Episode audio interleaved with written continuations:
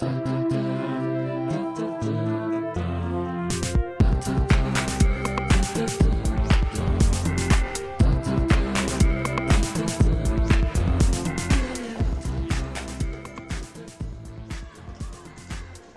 komið heil og sæl og verið velkomin í Ræðuna, podcast, afsakið, hlaðvarp, maturlífið, umbóta hlaðvarpið aturlífi sem er að reyna að verða aðeins minni í sléttunum heldur betur, var að reyna að vera betri.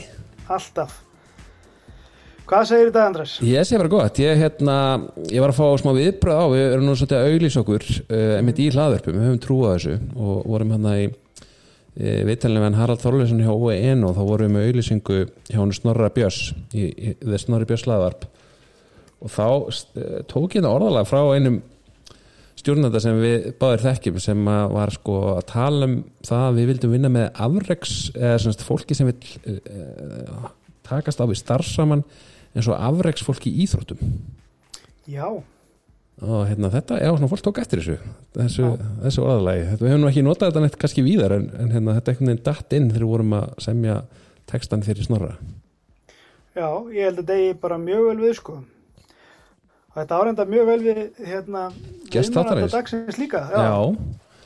Jón Pálsson, fjárfestingastjóra hjá Alfa Framtak. einmitt og hans kannski kollega sem er þetta kollegi okkar síðan í hlaðarseiminum sem er hann Gunnar. Páll Tryggvason í. Alfa hlaðvarp Erum við tala mikið um þetta, gera góð fyrirtæki betri. Hugsa þetta svolítið um út frá þessum árangri og, og gera alltaf betur. Já, og það er svona bara business model í hjá þeim eh, hérna viðskipta viðskipta hugmyndin þeirra, það er að fjárfæst í fyrirtækjum og, og hérna eiga þau bara eitthvað smá tíma, bæta þau og selja þau fyrir hæra verð. Mhm. Já, og ég vil bara hluta, ég held að sé að svona kaupa bílinn 30 til 70% Einmitt. uh, svona með, já, var ekki það sem uh, hérna kom fram. En, en hvað svona annað helst eh, fór aðni yfir? Hann var einmitt svolítið að fara yfir þetta ferli hjá þeim, hvernig, hvernig maður kaupi fyrirtæki, hvað þetta byrjar allt og hugmyndin kemur og, og, og síðan hvað þeir gera, já þau gera í, í, í þessum ferlum þar sem þeir fara inn og kaupa og nota, nota sjóðin í eitthvað svona, hvað þeir að gera og setja stjórnum og annars slíkt sko, en þetta er eh, mjög áhugaverður heimur sem að ég allan hef mikinn áhuga á. Já, akkurat, það er þetta er eh, hérna e, já, heimitt alltaf svona hérna, hvernig er þetta hvernig er þetta að gera gott múti í viðskiptalífinu, þetta vekur alltaf fórhætnum hans. Ég sá nú einu svona myndina hérna Barbarians at the Gate, Já, verður séð þá myndið það nei, byggða samnendri bók og fjallari myndum svona fyrsta svona hérna vonarsjóðin eða svoleið sem að uh, hóf þessar stóru yfirtökur á fyrirtækjum þar sem að fjárfestingasjóður voru að taka yfir. Og, og hefur búið til þenn svakalega yðnað sem auðvitað alfa framtakar þá kannski hluti af í dag. og það er mjög spennandi mynd. Þá, fyrir það þá voru allir miklu kurtisari og voru ekkert í því að stíga inn og stela bjóða í fyrirtæki og hérna, taka þau yfir. Einmitt. Þetta er mjög áhvert, ég hérna hlakka til að gera þetta upp með þeir í lokin. Já, segja það.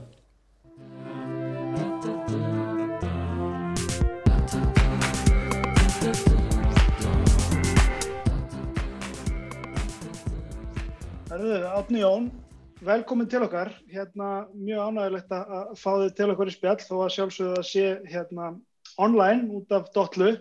Hérna, ég er mjög forvitin að heyra meira um þig. Hérna, hver ertu? Segðu okkur aðeins frá þér, hver þú ert, hvaðan þú kemur.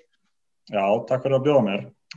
Það er hérna, ég er unni ákveð mjög ungur að, að vilja starfa í þessum heimi viðskiptavena og viðskipta og segir innum öllum bara því ég pjakku sko að ég ætla að verða ráðgjafi.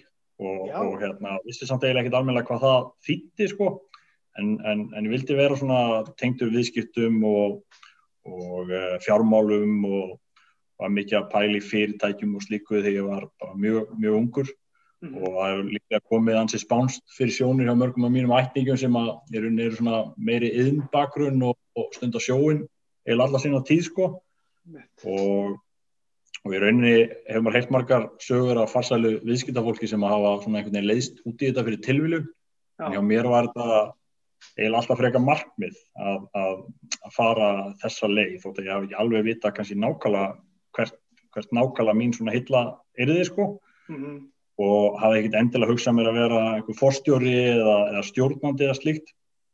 En, en í grunninu var bara svona eiginlega auðvöldast að fara í, í viðskiptafræðina og, Mm.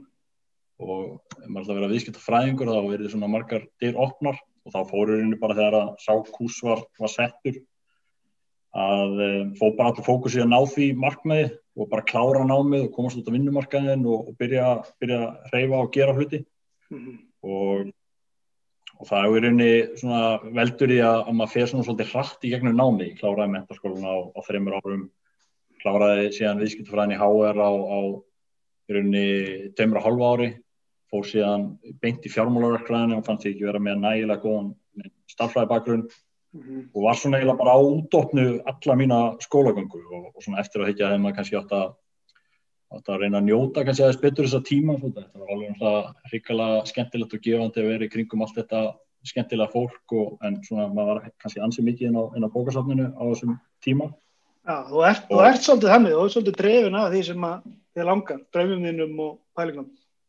Já, þegar svona, þegar ég set mér eitthvað markmið og einhverja sín og einhver, hef einhver draum Mhm. og það er kannski svona með bara auknu þroska hefur mann lært að njóta vegferðanar betur en þegar maður set mér eitthvað markmið þá er ég bara algjörlega gun-ho á að ná því markmið og bara geri það sem þarf til þess Mhm. og saman hvort það þýði að vera að vinna eða vera inn á bókasafni í 16 klukkutíma á dag eða, eða hvað það er sko Mhm. og, og er svona mjög markmiða drifin held ég bara sem einstaklingur sko Mhm. Og finnst einhvern veginn líka svona frekar óþólmóðu líka. Vill eiginlega helst að allt gerist í gær og set mikla kröfur bæði á, á sjálf á mig og, og oft fólkið í kringum mig. Sem að svona, já uh, fólk, fólk tekur, tekur því mísjaflega og, og margir hafa oft spurt mig bara í gegnum árin akkur þetta drífa þér svona mikið? Já, já. Og, og ég hef aldrei einhvern veginn samt verið að horfa á þannig ég sé að drífa með einhver ég er bara, ég er búin að setja mér eitthvað markmið sem að mér langar afskaplega mikið til að ná. Og, og, og ég rauninni, ég klára þarna skólan sko 2014 þá er ég orðin svona veist, eh, bara svolítið, svolítið lúin og eiginlega bara búin á því í, eftir, eftir alla þessa keisli í skólanum. Mhm. en uh, það var í rauninni algjört bara uh, þvílíku svona þvílík kvíld fyrir mig í rauninni að komast út á vinnumarkaðin þar sem ég var kannski bara að vinna nýju, tíu tíma á dag og frí allar helgar og það var bara þvílíku munur sko. Já. og, og, hérna, og þá fór ég að vinna hjá heitir Ecora Partners. Já, og, og var, í, var í ráðgjöf. Og uh, það var í rauninni ekki, ekki neitt svona rosalega auðveld ákvörðun á sínum tíma að út af því ég fekk sko þrjú atvinnutilbúð og endaði að fara til Ecora Partners sem þá var þryggja manna ráðgjöfa fyrirtæki og svona frekar lítið þekkt. En ég hafði fengið tilbúð hjá, hjá stóru svona eignastýringa fyrirtæki sem að allir þekkja einhvern veginn á Íslandi. Nákvæða fati þeirra bara einfallega út af því að ég hafi það mark með að, að kynna sem flestu fólki í viðskiptalífinu byrja að axla ábyrð og fannst mér bara ekki að lært meira og hraðar á þessum vettvangi frekar heldur en að vera eitthvað eitt lítið púsl inn í stóru uh, stóru fyrirtæki Mhm. og fekk að í rauninni eh, var, var, var spurður að því sko hvað ég hefði verið að pæla að fara, fara til eitthvað fyrirtæki sem enginn hafi hirt um sko þegar við stóðum Einmitt. bóða að fara til eins flottasta og stærsta fjármálafyrirtækis á Íslandi Mhm.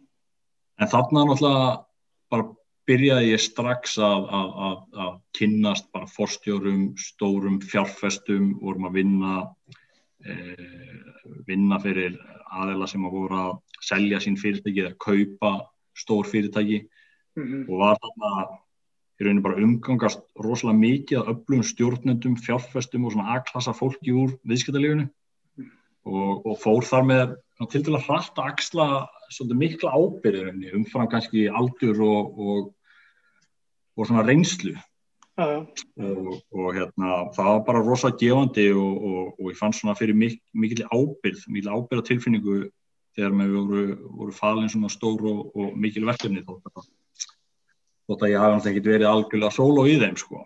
Nei, nei. Hvað heldur það að verið? Hvað akkur heldur að þér að verið falið þessi, þessi ábyrg svona ungur og, og hérna, kannski óreindur og ekkur en, en hvað er að við heldur sem að varti þess? Það sé ekki svo sem erfitt kannski að svara því en jú, jú. Ætli, ætli, ef ég ætti svona að skjóta eitthvað ef, að, ef að eitthvað vandamuleg er sett í hendunum á mér og, og það er kannski það sem ég lærði rosa vel í verkfræðinni og það ég hef ekki tekið mikið með mér inn í viðskiptalígu verkfræðinni en bara því ég fæ eitthvað vandamál að þá bara breyti ég það niður og átta mig á hvaða leið ég þarf að fara og hvaða resursa, þekkingu ég þarf að ná í til þess að leysa það mm -hmm. Og, og lífið og vinna er um það bara ekkert nema áskorunur og vandamál sem er að dinja á manni alla daga mm -hmm. og geta henni til þess að þá leysa úr vandamálum og áskorunum svona segir kannski hansi mikið um hvernig svona, hversu fær stjórnandi eða, eða rákjáðuvert. Og svo, svo gerist hvað? Þið, hérna, já, síðan er rauninni, já, við erum að vinna þarna í rauninni 2-3 ári í, í, í rákjöfunni en svona það er rosalega mikið áhuga á fjárfestingum og var mikið búin að fjárfesta sjálfur uh, og var alltaf að fylgjast með hlutabriðamarkaðanum var um helgar að lesa áskýslu skráðfélagana og var svona mikið að pæli líka bara hvað gerir gott fyrirtæki að því sem það er. Einmitt. og mér fannst svona ráðgjöfin hún hafi verið rosalega gefandi og alltaf eitthvað nýtt og alltaf eitthvað nýjar áskarðanir þá fannst mér svona fannst mér ekki alveg segja þess að þörf svona að fylgja hlutunum meira eftir oft ef maður búin að vinna kannski alveg á fullu í 6-8 mánuði og síðan annarkort kefti maður eitthvað félag eh, með sínum umbjóðanda eða, eða, eða seldi eitthvað og síðan var þetta bara svolítið búið en mm -hmm. ég vildi fylgja þessu kannski meira eftir og, og líka bara vera svona, já, svona meiri, meiri fjárfesta hugsun og, og þá fór ég að nefna við mína samstagsfélag á sín tíma bara hei, okkur, stopnum við ekki bara fjárfestingarsjóð? Okkur hérna sáum svona ákveðin tækifæri að gera hlutina kannski aðeins öðruvísi heldur en höfðu verið gerðir. Og þá búin það að vinna vinna mikið á þessum markaði og um, og eftir rauninni talsverðar umræður þá ákveðu bara að, að, að, að þróa konsepti yfir yfir sumari hérna 2017 kynna verkefnið og, og, og klára bara í sjóð hérna 2017 haustið sko en Hvað er svona erfiðast að við að stafna sjóð sko? Er að finna fjármækni? Bara að byrja. Já. Ef að hérna, þetta, þetta um það leita sem að rosalega vel út af blaði sko, eða bara gata blikkað, en hérna, síðan eða komst maður að því að þetta var alveg hægarsætti gert og þetta hafði eiginlega aldrei verið gert á Íslandi eftir hrun allavega að mér best vitandi að, að svona aðili óháður eða utan bankakerfur sem tækir sér saman bara og myndi sapna sem á endan að verður 7 miljardar í svona fjárfæstingarsjóð mm -hmm. og, og kannski bara það erfiðast í þessu þetta snýst bara í raunum um, um tröst og, og, og svona ákveðna aðgreiningu, við vorum ekki að bjóða nákvæmlega sama konsept eh, eins og kannski margir aðrir á, á, á, á markanum mm -hmm. og við vildum vera við vildum blanda svona þessari enga framtags hugsun rosalega mikið inn í, inn í sjóðin, við erum með 27 enga fjárfesta sem er bara eitt svona, sem er mikið að bara besta businessfólki í landsins sem eru, sem hafa reist okkur fyrir, fyrir fjármagni og síðan eru líka með mjög öfluga lífyrirsjóði og, og tryggingafélög en það er rauninni minni hlutin á sjóðunum er, eru svona þessi hefbundnu stopnarna fjárfestar og en bara erfiðast er náttúrulega bara að, að, að sína að, að við séum tröstins verðir og, og við munum ekki, ekki fara óvarlega með, með peninga þessa fólks og, og, og í rauninni það sem að kannski svona þegar maður horfið tilbaka sem að gerði kannski hvað mesta mun var að allir í teiminu og öll stjórnin okkar eru fjárfestar í sjónum þegar við tökum ákvarðanur um að fjárfesta í einhverju mm -hmm. og þá þurfa allir að ríða upp verkið og, og, og skrifa og tjekka sko. Allir með í þessu Það er allir með í þessu og hérna en, en þetta var að enga veginn hérna, enga veginn gefið og, og þetta var mjög erfitt á tímabili og leit út á tíma að þetta myndi ekki hafast það þarf að ná ákveðni krítiskir stærði í svona starfsemi til þess að, að borgi sig að vera í þessu Já, já. og eh, en að lokum við bara náðu að klára sjóðinn í, í 5 miljörðum með aðstóð velvaldra aðila sem að bara maður verður rosa bara æfilega þakkláttu fyrir sem að allir þeir sem að löðu, loða voðaskálunar og, og líka bara þeir sem að komu inn mjög snemma og, og sögðu bara við okkur, við höfum trú á okkur og ég trú á þessu konsepti og ég er tilbúin að treyst ykkur fyrir, fyrir peningum mínum Mhm. og þannig bara var undirstæðan í raun sköpuð til þess að fyrir okkur að, að, að, að, að geta fjárfest í, í góðum fyrirtækjum til þess að gera þau enn betri. Einmitt. Hvað hérna, ef þú lítið baka, hvað er svona það sem helst lærðir að þessu öllu, öllu þessu, öllu þessu eðamörku göngu? Ég myndi segja bara hvað er mikilvægt að vera með rosalega öllurt fólk í kringu sig Mm -hmm. sem að getur hjálpa manni þegar maður er kannski hvað mest uh, þegar, maður, þegar maður sér ekkert um á vandamálin eða, eða uh, svona vantar bara svolítið pús Mm -hmm.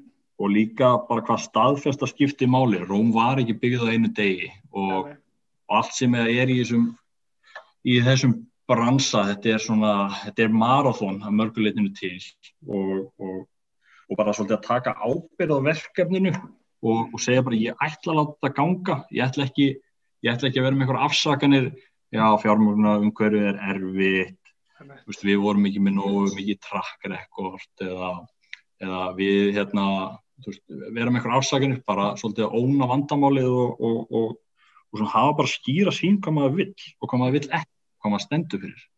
Og það var held ég bara það sem að koma okkur, kom okkur í gegnum þetta á, á, á sínum tíma. Einmitt.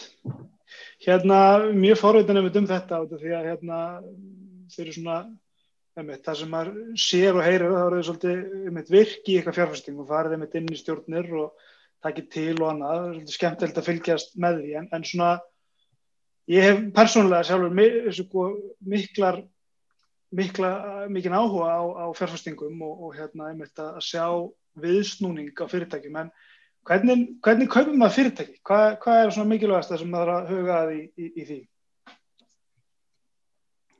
Ég myndi segja er eins og við horfum á fyrirtæki og einu fyrirtæki og kemur aftur að þessu svona bara djúpum áhuga mínum og okkar á hvað gerir góð fyrirtæki góð. Að það er það er kannski í grunninn að segja að bara fyrirtækjarækstur er bara tvent. Það er að selja og, og, og nýsköpun. Mm -hmm. Og ef þú ert ekki að búa til eitthvað nýtt, þá hefur ekki til að selja og ef þú selur ekki, þá hefur ekki neitt til þess að borga kostnaðið eða laun. Mm -hmm. Og það er, í rauninni, ef þú hefur þetta ekki, þá hefur ekkert. Og, og góð vara eða þjónasta er bara að hryggja stikkið í öllum fyrirtækjum. Sterk viðskiptasambönd, endutekin viðskipti. Og, og hægt síðan alltaf að selja þjónustuna eða vöruna, vöruna með hagnar og þetta gleymist oft einhvern veginn í rosalega flóknum Excel-mótilum og, og það er svona verið að, að skoða uh, rosalega mikið kostnaðin eða, eða fjárhærs upplýsingarnar það sem eru kannski tamið sér yfir, yfir tíman er að horfa fyrirtæki sem bara svona hálgjörða þetta er einhver svona lifandi fyrirbæri með einhverja vöru og þjónustu og fullt af fólki og hagalum, byrgjum og tengslum og þetta er einhvern veginn svona er, þetta er flókið, þetta er ekki einhver statisk stærð sem þú getur bara metið einhvern veginn punktstu, þetta er alltaf að þróast og, og við horfum svolítið bara á veist, er, er, er viðskiptaðinur ánaði með vöruna? Mm. veist, hvernig eru stjórnendunir, hvernig vinna þeir saman, hversu framsýnir eru þeir? Uh, hvernig hvernig, hvernig vinnur félagið úr áskorunum sem er lendi hversu svona úrraða góðir eru, er fólki á bakvið félagið? Það er endan mm. þetta bara um fólk líka að fyrirtækir er ekkert nema fólk sko. sko tengt því áttu eitthvað dæmum eitthvað svona, ég veit að geti verið viðkvæmt en áttu eitthvað dæmum þar sem það hérna, fyrirtæki sem að þau að fara inn í og snúa svona við? Mm, ég myndi ekki segja sko, kannski okkar svona okkar virðis aukning kemur í gegnum stjórnastörf og, og, og við Já. hjálpum fólki bæða að velja strategíska valkosti, Eh, við erum sérfræðingar í ef að ef að taka ákvörðunum að fjárfesti í einhverju stóru verkefni, Mhm. koma sölunni eða markasmálunum með okkur betri stað, eh, sjáum og erum mjög klókir í að greina hvað vantar og, og, hvað svona undirstöðu félagi mögulega þarf til þess að ná árangri. Mhm.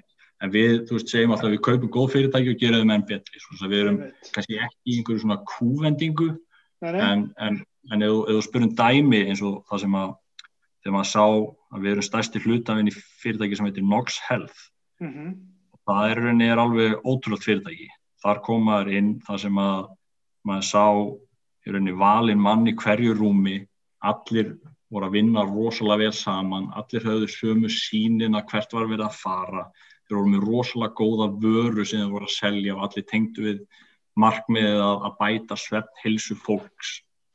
Og uh, bara klárt fólk sem að gætt greint aðalatriðin frá aukaðatriðunum Mhm. og, og það er kannski svona það er kannski svona fyrirtæki sem að maður sér að er bara afskaplega gott fyrirtæki með góða vöru á erind út um allan heim Mhm. og er þar að leiðandi mjög spennandi uh, fyrirtæki og, og fjárstrykakostu fyrir aðalega eins og okkur og við Mhm. getum komið með ákveðið input í uh, hvar áhersluverkefnin er að vera í gegnum stjórn og, og veru svona ákveðið svona sem ég fæ að sletta svona sounding board forstjóra og inn í stjórninni en á endanum snýst þetta um að stjórnendur félagan að keira málinn áfram og, og, og framkama eftir svona ákveðni sín sem er mótur sko. Mhm. Algjörlega. En við talaðum um sko, hérna, góðar mann í hverju rúmi og allt það sko. Góð stjórnendur hljóta að vera hérna, leiki latri í þessu. Algjörlega. Hvað hva, ykkar, eða þínum augum, hvað er einkenni góða stjórnenda? Það er svo margt, það er svo margt sem að einn aðlis þarf að hafa en það, það sem að ég hef kannski haft þau forréttindi að njóta yfir þessi síðustu 8-9 ár eh, í mínu starfi, bæði sem ráðgjafi og, og fjárfestir er ég búin að hitta alveg ógrinni af forstjórum Mm -hmm. og, og fengi að kynnast mörgum mjög vel Mm -hmm. Og það sem að mér hefur fundist einnkynna þá sem er að ná framúrskarandi á, árangri er að þeir hafi fyrsta lagi brennandi áhuga á fólki Mm -hmm. og eru framsýnir og drífandi og eru mjög, mjög hnit með að geta greint aðalatinni frá aukaðriðanum. Þeir eru, þeir eru góðir í þessi tímastjórnun og, og út af því að það er svo auðvelt að verða rosalega upptekinn í rekstri en, en þessir aðalega sem að ég sé hvað er að ná hvað bestum árangur þeir átta sig á hver eru þeir bestir í, hvað er þeirra kröftum best varið og treysta sínu samstarfsfólki og velja samstarfsfólk með sér rosalega vel. Og þeir eru líka svona, svona ákveðin auðmygt í þeim að þeir vita hvenar á að sækja sér hjálp eða, eða þekkingu á réttu tímapunktunum og, og eru hugrakkir og, og óhrættir á að segja bara ég veit ekki eða, eða e, og eru opnir fyrir hugmyndum annara og, og, og þar fram til guttum svo þess að Mhm. þetta eru kannski hljómar eins og séu óteilandi atrið en þetta er svona kannski í, í grunninn Veist, og ég er ekki að segja að góðu fórstjóru þurfa að hafa alla þessa mannkosti en þetta er svona í mínum huga svona svolítið grunnurinn sko, einhver blanda þessu Það er ákveð þema kannski sem við séð í gegnum, gegnum nokkra. En sko ég er mjög mitt hérna, áhuga samar um þetta því að sérstaklega kannski heyrim að meira af því uh, í Norður Ameríku og, og kannski Európu það er þegar hérna, það er fjárfest í fjölum og, og tekið yfir og veist, þá kemur hérna, þá kemur nú pakki, það kemur bara fólki sem að er treyst fyrir einhverju viðsnúninga eða eitthvað, er eitthvað svoleiðis hérna heima, það er hérna þú veist, þið eru með ykkar svona roster af fólki sem að hérna, þið treystir best þess að gera ekki sluti. Er eitthvað svoleiðis hérna heima? Eða er þetta meira bara, einmitt, eins og nefndi kannski pínu þann, stefnubreitingar og kannski áherslubreitingar og eitthvað slíkt?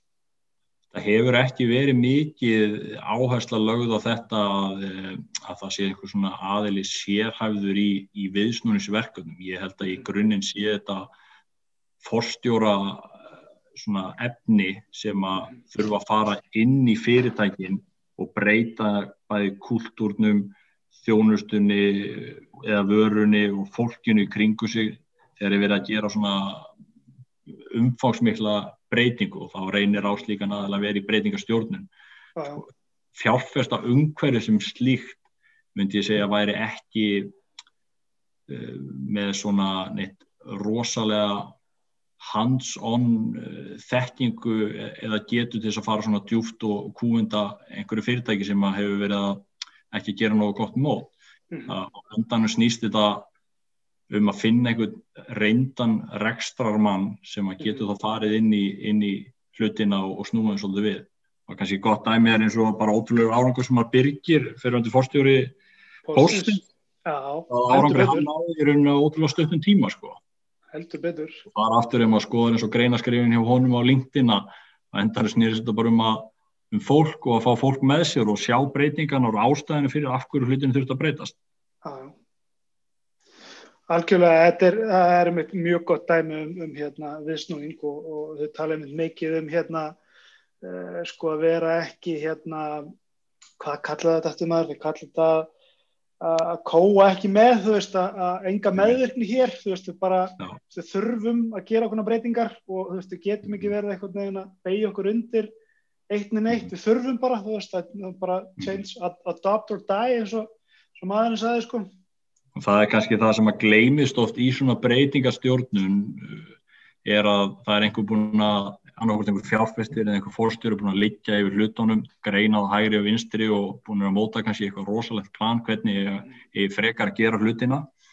En ef þú nærði ekki að skapa þessa tengingu við starfsfólki síðan sem er með þér og millistjórnendur og jáfnvel bara allt fyrirtækið svona þessa sterkar tengingu af hverju eru að breyta okkur af hverju þurfum við að fara að gera hlutina öðruvísi ef þú nærði ekki að skapa þá tengingu þá annarkort í vestafalli gengur þetta rosalega hægt já, já. Uh, í bestafalli eða í vestafalli bara gengur alls ekki neitt sko.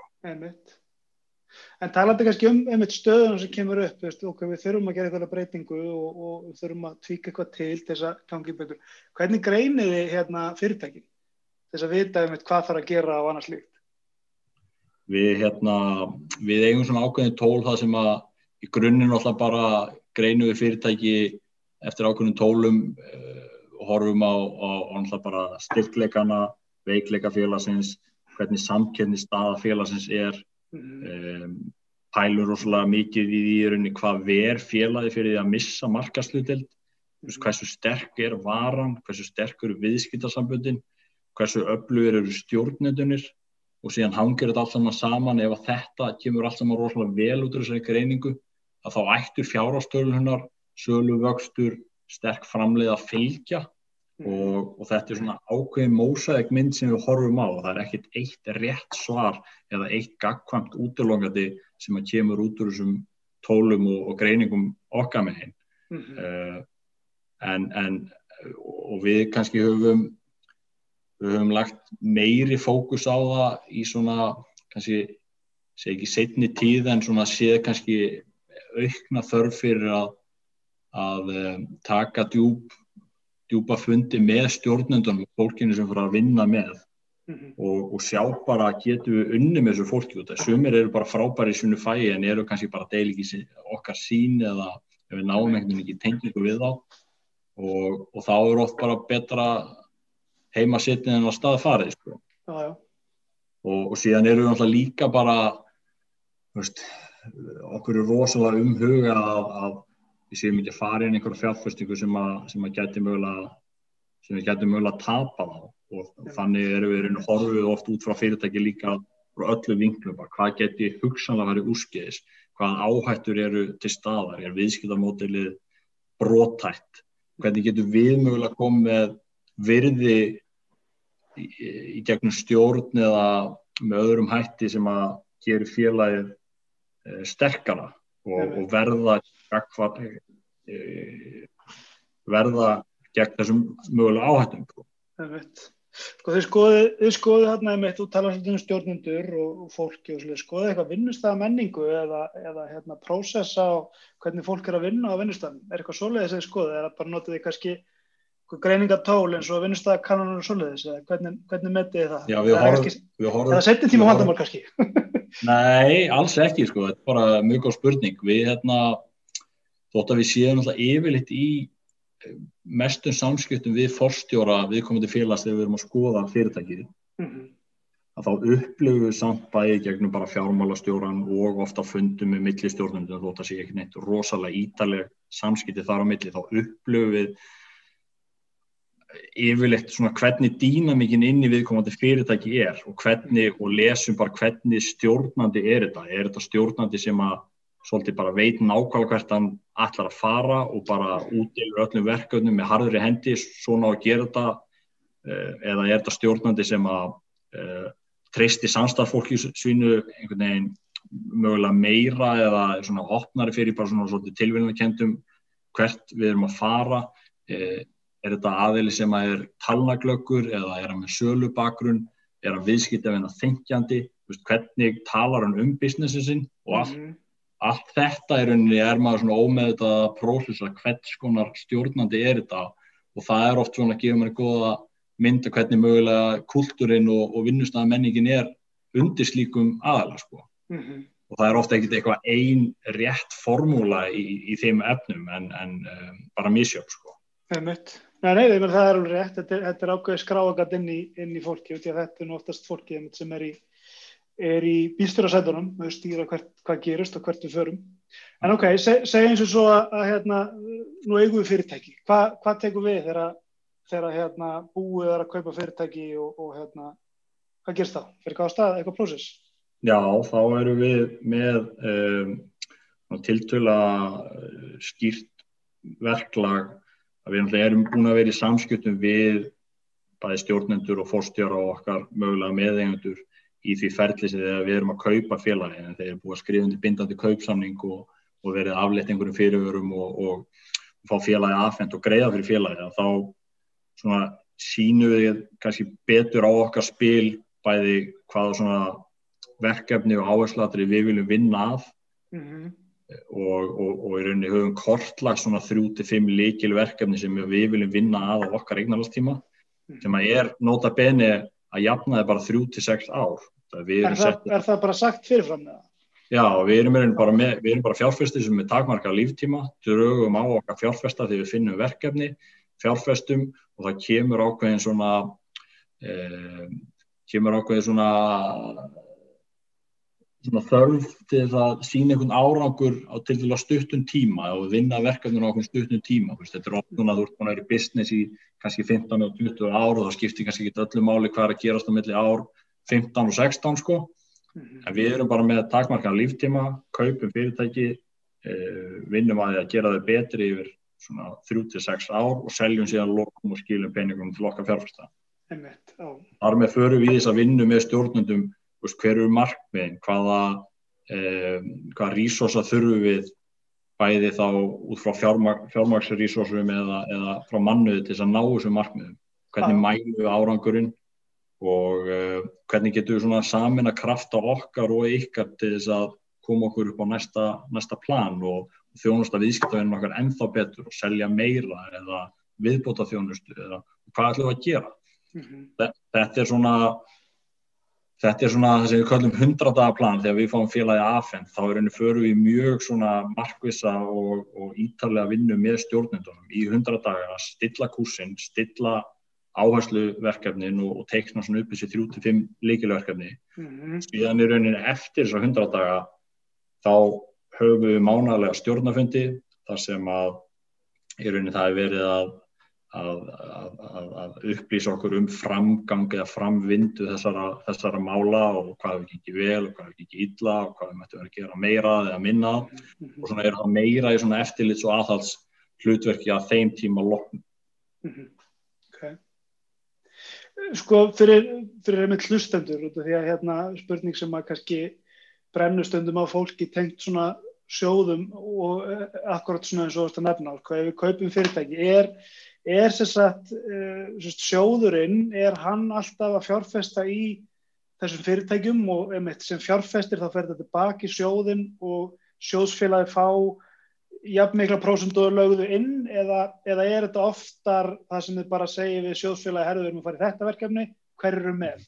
Já, þetta, þetta virka þannig er að við söpnuðum 7 miljardar áskriftar lofurum þar sem að 35 fjárfestar lofuð okkur því að þegar að við köllum og erum búin að finna verkefni og köllum á fjármagn að þá leggja þeir uh, sjóðunu til fjö til þess að standa ströym af, af fjárfestingunni og, og þetta er rauninni bara allt saman ákveði upphafi, þetta er lokaðu sjóður.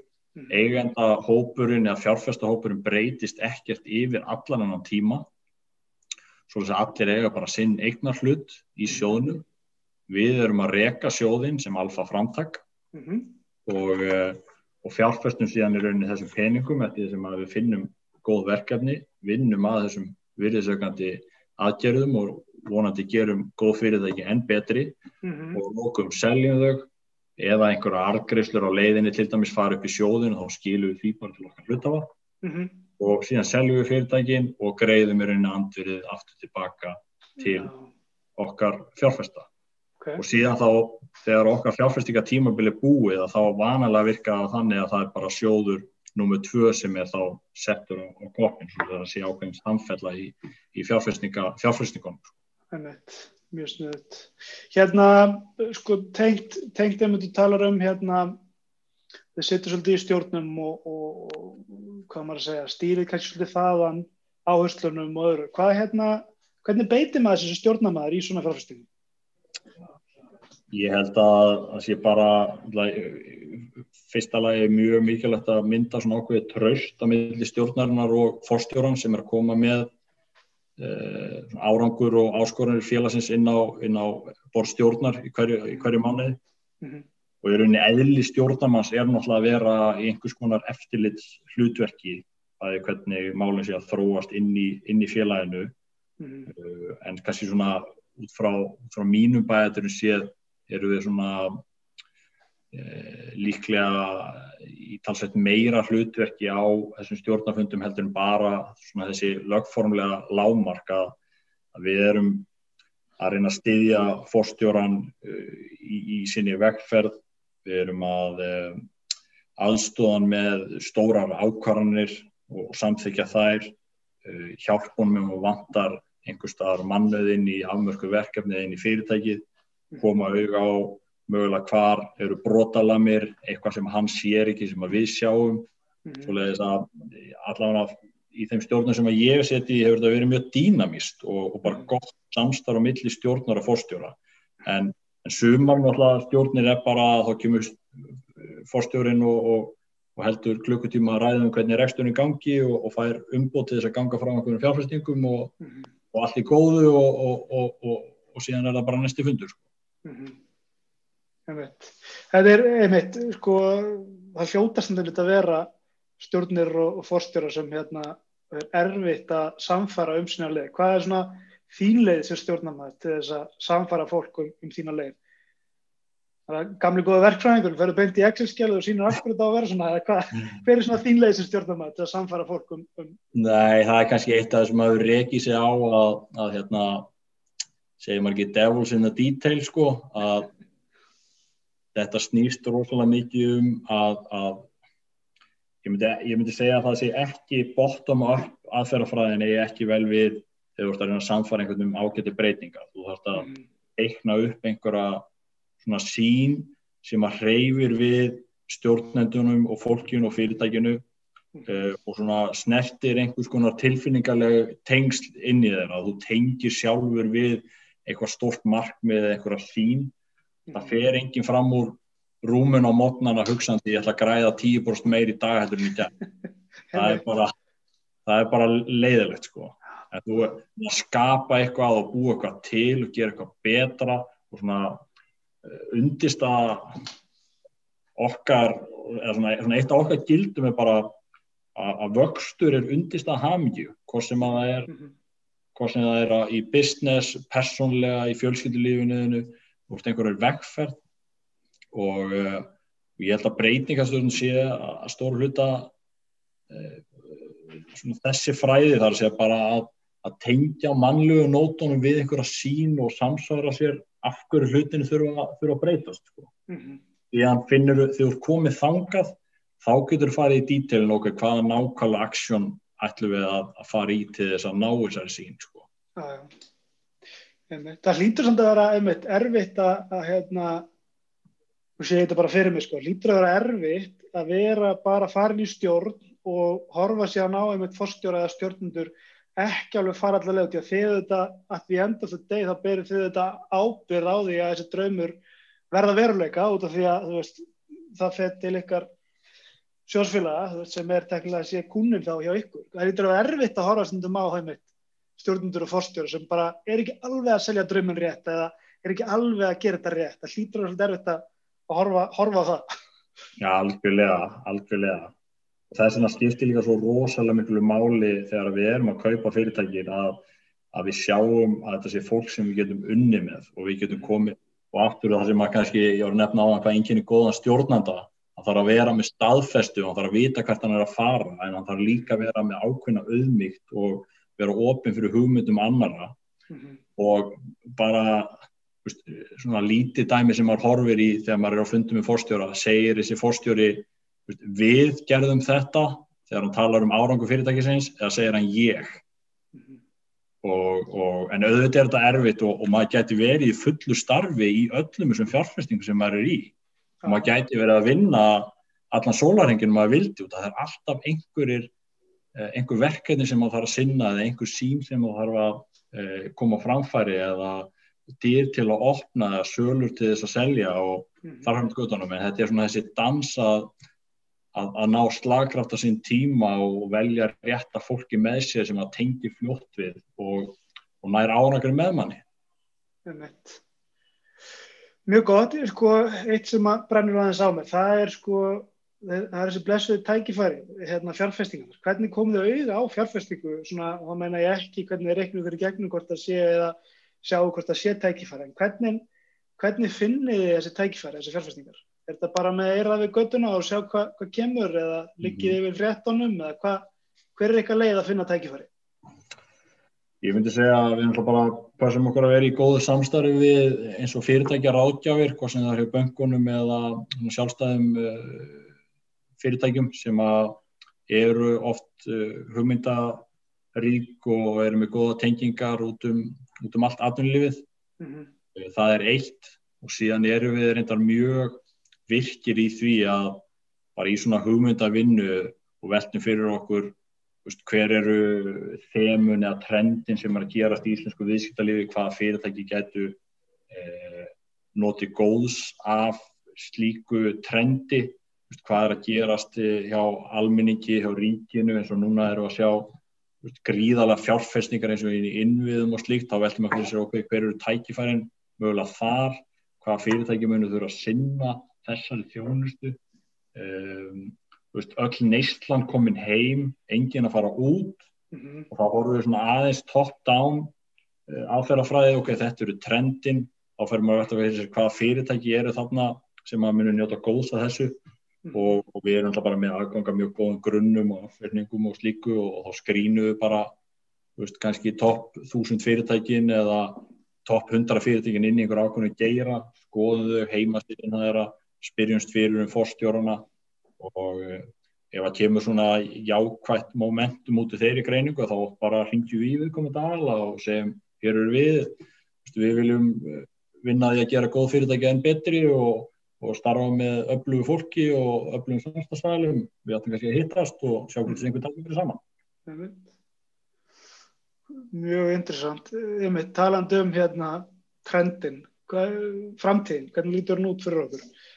Út frá ykkar bæðum sé, sjóðinn og, og framtíðin eftir þetta blessaða COVID það fyrir nú vonandi að taka enda. Já, það er svona vonandi það er svona vonandi, ég held að ég held að bara hafi sjaldan eða aldrei reyndi að mikið á að hafa öllu fyrirtæki eins og núna mm -hmm. og, og hérna við erum þetta mjög stoltir að því að við eigum núna fjögur fyrirtæki og þrjú að þeim eru að, er að ráða fólk en ekki að deyja upp fólki Okay. Erum, og það er kannski marka svolítið af því að við erum ekki að tjálta til einna nætur eða, eða horfa á einhvern eitt kvorter eða halvt ár, við erum með ákveðna sín sem er að vinna og sjáum bara tækifæri núna að finna öflugt fólk með okkur sem við getum bara stutt okkur í þeirri vegferð. Mm -hmm. en, en sko varandi hvernig markaður með þróast, ég held að bara þessi áframhaldandi áhersla á tækni þróun verði bara hraðari og, og, og meiri heldur en kannski fyrir COVID. Við sjáum bara að það er allir farin að pæli ákveðinu sjálfverkni lausnum, IT-lausnum og rauninni tæki og tólum sem að hjálpar fyrirtækjum að fylgjast með bara rekstinu sem er rauntíma. Það er allt og senkt þegar þetta er svona rosalega miklu rót eins og núna að vera að sjá sölunæðina eða topp 20 kúnanæðina eða launakostnæðin eða hráfniskostnæðin tveimur að þreim mánuðu setna í einhverju uppgjöru sem endurskóðandiðin gerði. Mm. Þú ætti bara að vera með miklu betri tæki og, og mælingar á hvernig er reksturinn að ganga bara viku fyrir viku og ég held að Íslands fyrirtæki mættu fjárkvæmsta miklu meira í, í þessum hluta rekstarænis. Mm -hmm. Síðan held ég bara að það verði svona aukin áhersla lögð á, á, á vöxt í svona þessu, þessu lágastar umhverfi sem við erum í í dag. Þetta er náttúrulega rosalega skrítni tímar að, mm.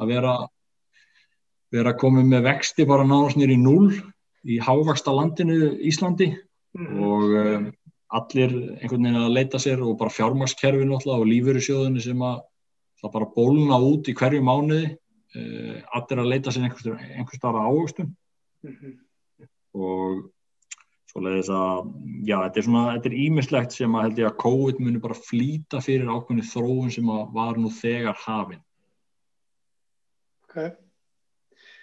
Algjörlega. Hvað með þið persónlega? Hvað, hvað er draumurinn? Hvað er, er framtíðin að þér? Já, það er hérna, ég myndi ekki segja, það er bara á rosalega spennandi vegferð núna og og í þannig starfi að maður getur haft rosalega mikil áhrif á bara Íslandst viðskiptalíf og, og, og stór fyrirtæki og, og marga aðala sem eru einhvern veginn að vest að þjónustu af þessum fyrirtækjum.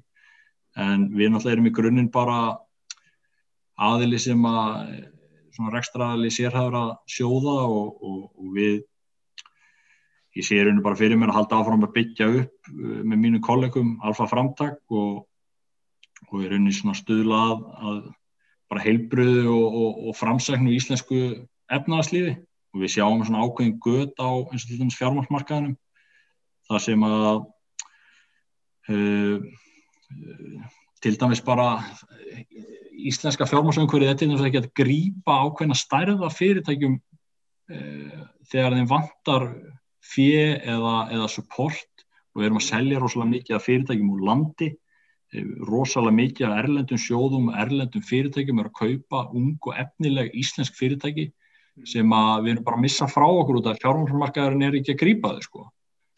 Og, og þarna getur get ég sé fyrir mér að við munum spila eitthvað hlutverku í því að halda þessu fyrirtækjum lengur á Íslandi. Um, og hérna svo leiðis að við erum bara á okkar vegferð að að, að, að svona já, bara stuðla að helbriðu og, og, og, og góðu framsæknu í íslensku atvinnulífi og líka bara svona okkar okkar markmiði líka bara þess að styrkja hjálpmynd uh, íslenskara viðskipta menningar mm bara við séum stolt af því að byggja stór og arbær fyrirtæki sem eru framsækin og með góða vöru og góða þjónustu. Þá ekki að vera einhvern veginn litið hotnöga að, að að eh, byggja upp uh, arbæður og, flott og stór fyrirtæki sem er að leysa einhverja þörf á markan hvort sem er hérlendis eða, eða, eða erlendis sko. og, og þar vonandi getur við bara komið, komið sterkir inn að aðstóða fyrirtæki að, að ná árangri. Mm -hmm. Gekkjað við þetta frábær lokavarð Átni Jón, fjárfæstingarstjóri og einn stopnandi alfa framdag takk kærlega fyrir að koma og spjallaði okkur. Voru virkilega endurstand og Ég hlaka til að fylgjast með þér og alfa framtak vaksa í framtíðinu. Takk hjá það fyrir, gaman að spjallaði þig.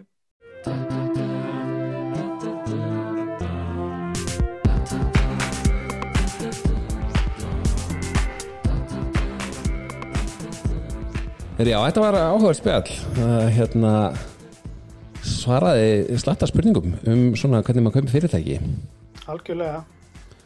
Ég er líka bara svona gaman að veist, veist, ég fatt að ekki en fletti upp hvað hann er ungur uh, átni hjá hann svona hvað hann er komin, komin djúft í þetta algjörlega, hann er alveg all-in með hausin allar en þessu og maður finnur það bara að tala við hann að hann mjög djúft komin hann í þessu og, og, og verist hrærast mikið í þessu. og líka eitt sem maður tekur eftir í viðtalinu við hann og, og líka þegar maður hlustar á alfa hlaðar sem við mælum auðvitað með sem maður er í smá pásu núna en fer að stað fljóðlega aftur held ég. Að það er sko eh, hvað eru vandaðir einstaklingar svona báði tveir sem maður hefur kynst þarna og, og, og hérna er bara allir sem vinna hann í alfa framteki þetta er svona er kannski það eitthvað sem bara þarf að fara saman í, í svona viðskiptum. Þú þarft að fá eigundur til að fyrirtæki til að selja þér og fjárfesta til að láta lóna þér peningana og til að kaupa fyrirtækin þannig að það er kannski bara nöðsynlegt að vera, vera svona já, svona vandaður einstaklingur trúurður og tröstur Algjörlega, það er örgulega þannig sko. Ég, ég hérna, fann það alveg strax með átna að hann gríðarlega skipulaður. Ég hef eiginlega aldrei fengið við nokkuð sem ég tek viðtal við, svona góðan undirbúning fyrir viðtalið.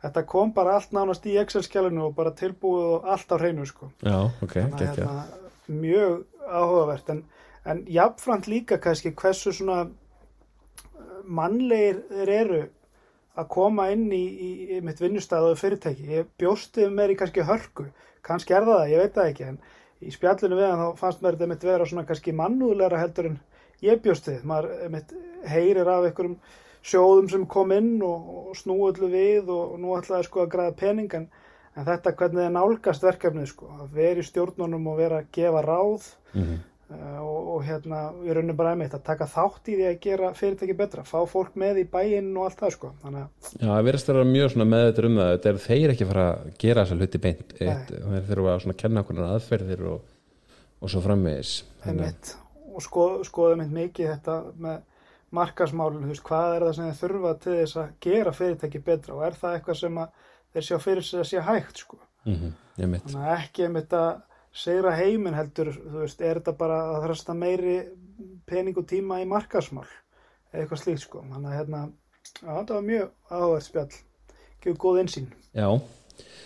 Heyrðu, en ef við ekki að skella okkur í nokkra LinkedIn fréttir jú, endilega. Hvað er það fyrir okkur í dag? Já, ég er með alveg heilan helling sem ég langar svona að fara kannski bara hratt yfir.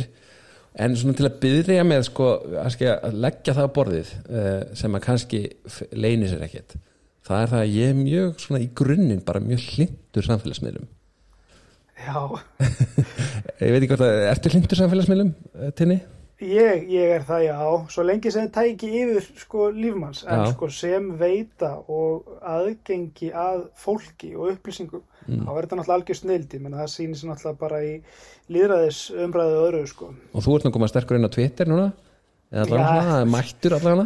Meiri, meiri áhorfandi, en Akkurat. þú ert virkur þar, hvað, Ég er ég veit að þú ert virkur á flestum, Ég er virkur á flestum, kannski aðeins misvirkur og misvirkur, ég og konu minn höfum talað um hvort sko við erum misvirk á Instagram Já. hvort að það hafi einhvers konar speiklun um það bara hversu, hvernig svona líf okkar sé á hverjum tíma, veist, er maður meira að setja myndir þegar mann líður vel eða, eða veist, hvernig er það, ég er svona ekki komið svari við því, en, en hérna en já, ég virkur á, á mjög virkur Twitter, hefur verið eiginlega frá ég, hérna, einhvern tímann held ég, ég ekki, get ekki sannaða lengur því ég skipti um, um reikning en einhvern tímann hallan hafði ég vísbyttingum að ég væri jafnvel fyrsti Íslendingurinn á Twitter. Já, en það er alveg pottet einhver ímyndun líka sko, ég er mjög líklegur til þess að að tólkaði mér í hag. Mér finnst sagan satt betri ef þú sett fyrstur, já, við skulum eh, halda okkur. þetta, þetta var tekið einhvern tímann og, og svona það var ég og einhver einn annar sem voru svona mest að að reyna að halda þessu fram. En, en svo var örgulega pottet einhver sko, sem við vitum ekkert hver er sem að satt að hlóa okkur sko, var hann fyrstur. En já, ég virkur á Twitter og svo LinkedIn og, og svo var maður þetta með virkur á Facebook hefur aðeins úr því, kannski eins og hjá mörgum. En mér finnst samt sko uh, að því mann heyrir nú aðeins svona neikvað umræðum LinkedIn við tölum um það um daginn uh, svona aðeins vera að gantast með þetta þetta sé, þú veist, fólk sé upp, uppfara sífið sitt þarna því að það sé að fara að liti í kringu sig eða sé svona einhvern veginn að gera sér sínleira eins og það sé eitthvað neikvæð sem okkur finnst það náttúrulega alls ekki. En, en líka kakast Facebook ekki um tíðin og bara svona samfélagsmiðlum almennt þetta séu tíma og þjóvar og, og þeir hafa neikvæð áhrif á, á líkams ímynd og, og, og svo framvegis notaði til eineltis.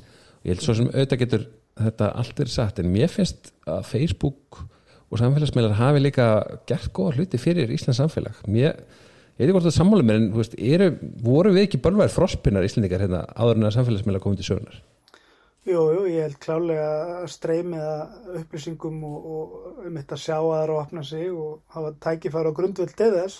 og líka bara þetta fyrir bara að læka þú veist, Já, var maður hvað mikið að læka fólk hérna áður en að, en að tækin til þess komið til sögunar um þetta. ég man allan eftir Held þannig hérna, hei, einmitt, sko, ég, held, ég man allan eftir í svona klassískar íslenskar aðstæður. Þú ert með einhverju vinniðinu með ættingja, labba kringlunni niður í bæ, einhvers staðar og, við, og vinnurinn hittir vinn sinn. Eh, einhvern eða kunningi eða eitthvað. Og veist, í eiginlega öllum öðrum samfélum þá myndi, við, við, þá myndi maður vera kynntur fyrir þessum aðila. Eða hérna er hann Andrés, nú vinnum minn þekkist þið hérna, og, og svona eitthvað. Og það gerist einstakar sinnum, en almenna íslenska leiðin er bara maður lætur eins og maður sjá ekki hinn aðalan það er bara eitthvað lítið út í lofti, labba eins frá býða eftir Algjörlega. Ég tók eftir þessu þegar ég flutt út, þá uh, hérna, var þetta svo bersýnlegt því að sko, ég var út í Kanada og þar var það bara svona, bara allir einhvern veginn sem maður var með og hekk með, það var bara, uh, bara Hi, það kom einu, Tinny. það kom ekki einu sinni fyrir að maður var ekki dregin inn í samræðarnar eða, eða, eða kynntur sko. Svo kemur til Íslands og þá lendur maður í það bara, þetta er bara með vandræðilega sem maður lendir í. Bara, ég hef að skoða hérna eitthvað á loftið, já þetta er flott nákvæmlega já, Hvað ertu með fyrir okkur? Sko, ég, fyrst sá ég hérna Eithor Jónsson, uh, háskólaprofessor, bæði í Háskóla Íslands og, og við Kaupmannarfnar háskóla. Hann, um, hann er komið með svona kennslu fyrirtæki sem að vera kannski gaman að fjalla ekkert um hann um hérna í hlaðvarpinu, ræðum það, tala við hann eða tala um til Guðmund Arnar meðeigandans og meðstofnunda. Þeir eru með skóla fyrir aturlið, Akademias. Já, einmitt, ég séð þetta pop-up. Einmitt, og þeir voru að útskrifa núna og segja frá því á LinkedIn að sjálfsögðu uh, tvo hópa úr mini-MBA leiðtóin og stafræn umbreyting 2020 tveir. Einmitt. og tvo hópa og þetta eru alveg hellingur af fólki sínst vera svona ja, 40-50 manns. Og hann telur upp hérna báða hópana og takkar fólk og sumir, þá sér maður að það er svona 30% er ekki á LinkedIn í þessum hópi Já. þegar maður kemur nokkuð óvart Einmitt. og við verðum eiginlega að s- setja ákveði hérna uh, ákveð útkall held ég á, á Akademías að, þetta er nú eitthvað sem að það, ég vil ekki votta þetta sé alveg útskrift ef þú ert, ert búin með þetta ná mini MBA og ert ekki komin á LinkedIn Það vantar eitthvað þarna, það vantar eitthvað í kjænsluskrona. já, mér finnst þetta að vera alveg mörkunum sko. en já, mér finnst þetta skemmtilegt það er líka, sko, ég lendi um þetta að spjalli við einhvern daginn um það sko, bara hvernig háskóla mentur er að þróast og, og, og svona hvað er rétta, rétti bakgrunnin til þess að styrkja sig á, á, á vinnumarkaðnum og ég held að þú veist svona stittri nám stittra nám, það sé jafnvel eh, oft sniðura heldur en kannski að fara í fullt MBA nám eða fullt lengra nám. Í ákveðin tilfellin fyrir ákveð fólk allan þetta er auðvitað fyrir svolítið eftir aðstæðum en, en hérna en eitt sem ég sé sko þegar ég sé þennan lista er það ef ég þekk eitthvað eins og þetta sniður til að byrta listan og takka fólk því að ég skoða þetta og ég kannski þekki eitthvað í hópnum og þá get ég ég fór strax að hugsa hvað þetta hringi einhvern og segja er það var eitthvað mjög öflugur svona eða hins eginn í þessum hóp? Og maður sér sko ok, þessir hafa lært af hver öðrum þannig að þú ert í svona öflugum hóp þá var það alltaf strax stert þannig að, já, margt jákvæmt við þetta Já, ég, þetta er mjög flott hjá þeim, sko. Ég er með þetta samanlega, ég er enda mjög hlindur háskólanum, sko, sérstaklega, sko, þeirri þekkingaleit sem þeir eru í. En maður veldur einmitt fyrir sér hvort þeir séu nógu hraðir að uppfæra sig og uppfæra, eða sérst, að koma fólki út. já, hvort þetta sé Þegar- þetta þryggjara nám og uh, það sé hugsanlega sko ekki, ekkit endur tætt í tíman Ég meina, 23 ár, það getur bara þekkingi verið bara súr. Já, úreld í einhverjum tilfellum, sko. já, Þannig að ég held að sé alveg rétt. akkurat. Og auðvitað bara fórna kostnaði fyrir samfélagi og fyrir einstaklingana að stíga út af markanum. Kannski, þú lærir líka svo mikið í vinnu veist, þannig að þú, þú ferð kannski stígur frekar eitthvað skrifa á milli og tekur ykkur að vinna með að stýttra nám eins og akademía spýður og það geti verið geti verið sterkulegu, þetta er auðvitað ekki síðasta sinni sem við ræðum þetta hérna. Nei, heldur betur ekki, þetta er áhugavert. ætlum ekki að vera djúft í þess að núna en svo var ég bara er, er svo ánæður, ég ætla að fagna því sérstaklega að hérna, lögfræðingar þessa lands og lögmenn eru orðnir ofur notundur á LinkedIn. Og ég er hérna með til dæmis grein fyrir fram eftir hann Birgi Má Björnsson hérna, sem er partner á Lex lögmástöðu og hann er að skrifa um uh, arf svona spurning, svona, svona, svona klassík spurning hvernig virkar arfur á Íslandi. Mhm. og e eitt sem að uh, hérna, mér var satt frá um daginn eða var bent á var það að það geti verið að sko arfur, hann hefur sko að hann fara að skipta meira máli í svona kannski í misskiptingu stjætta á Íslandi af því að e, fjölskyldustærn er að minka þetta voru alltaf svo, dreifðist á svo marga, það voru svo mörg börn Mhm. uh, en núna eh, hefur því þetta fækka mjög mikið á sí- síðustu öld og, og, og hérna þannig að þetta getur svona verið svona eh, auður sem færist um milli kynslu það getur verið að fara að aukast og, og búa til svona stærri svona eignastjettir á Íslandi. En það, hann er nú alveg fjallum bara hvernig þetta virkar. Og hérna fólk getur flett upp og þessu er örugglega deilt af Lex er sjálft og fleiri lögmástöður eru svolítið að- að deila greinum og og pælingum og e- líka hvernig mál þeir eru að fá dóma sem að fara e, hérna þeim í vil þá, þá eru þeir ofta að deila því. Þannig að það er hérna, svona heimur sem að er aðeins að opnast manni meira. E, síðan sá ég hérna e,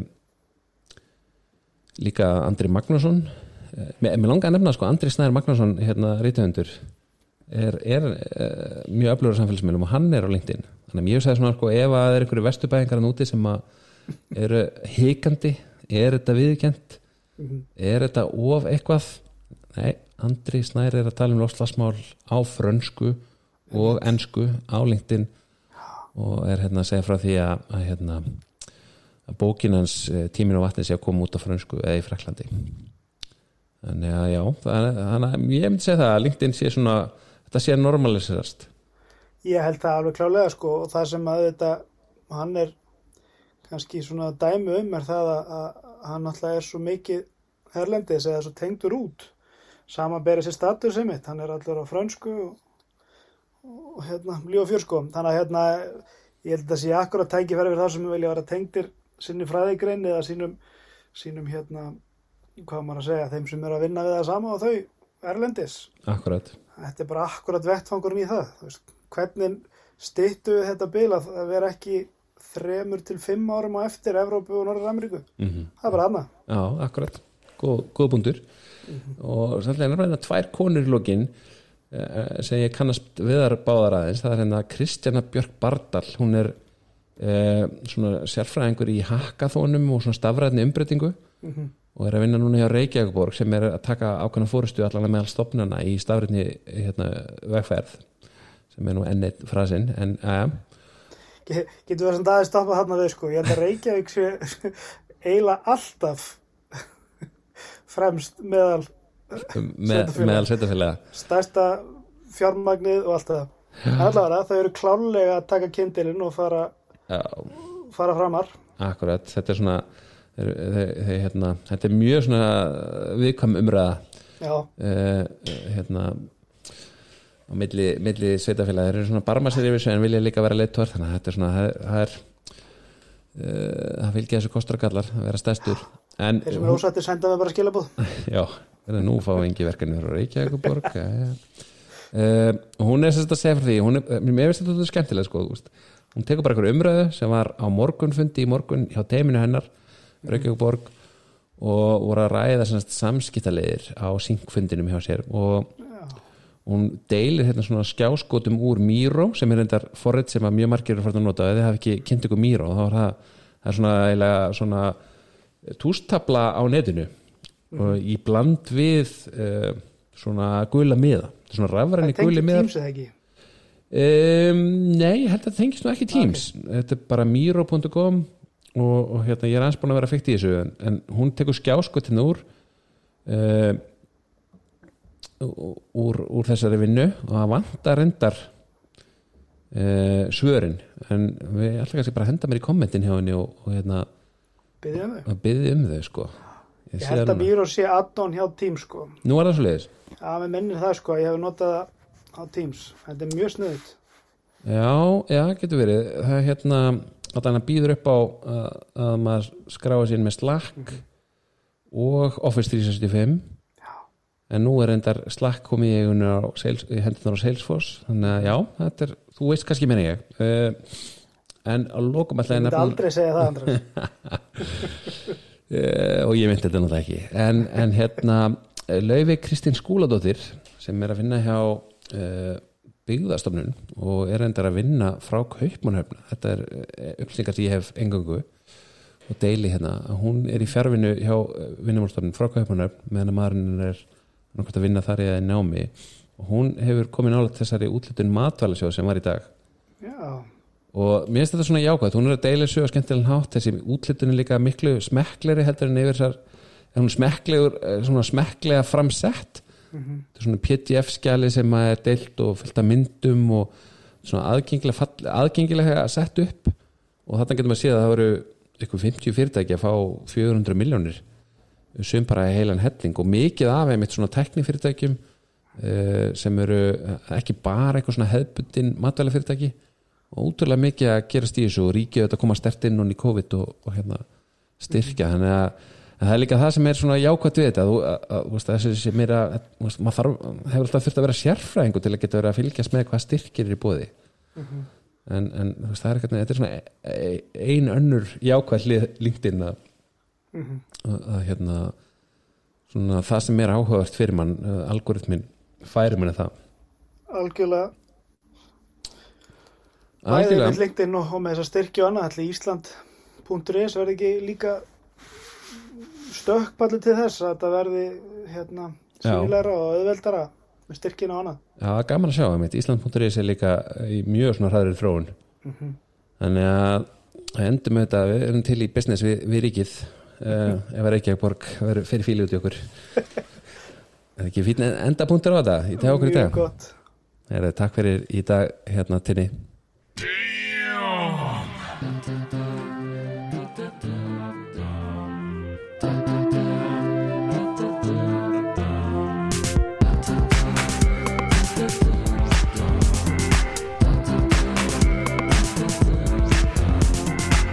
veður úti og ég lappa í bæ.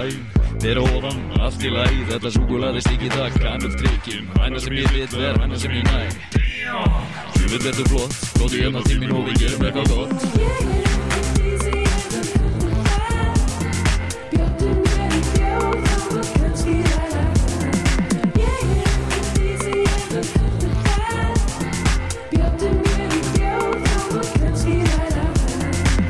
Mókidóki, bjórskál að vera að vinna Hvað sem er til að fá því til að svitna Byrjaður að hýtana Virkar alltaf vel að flagsa pínu vöðana Segir við hann, búin að snúast úr. Eins og frættur stegar Læti ganga á kaplónum Gemmi parkir þær metru í stefaðu fötónum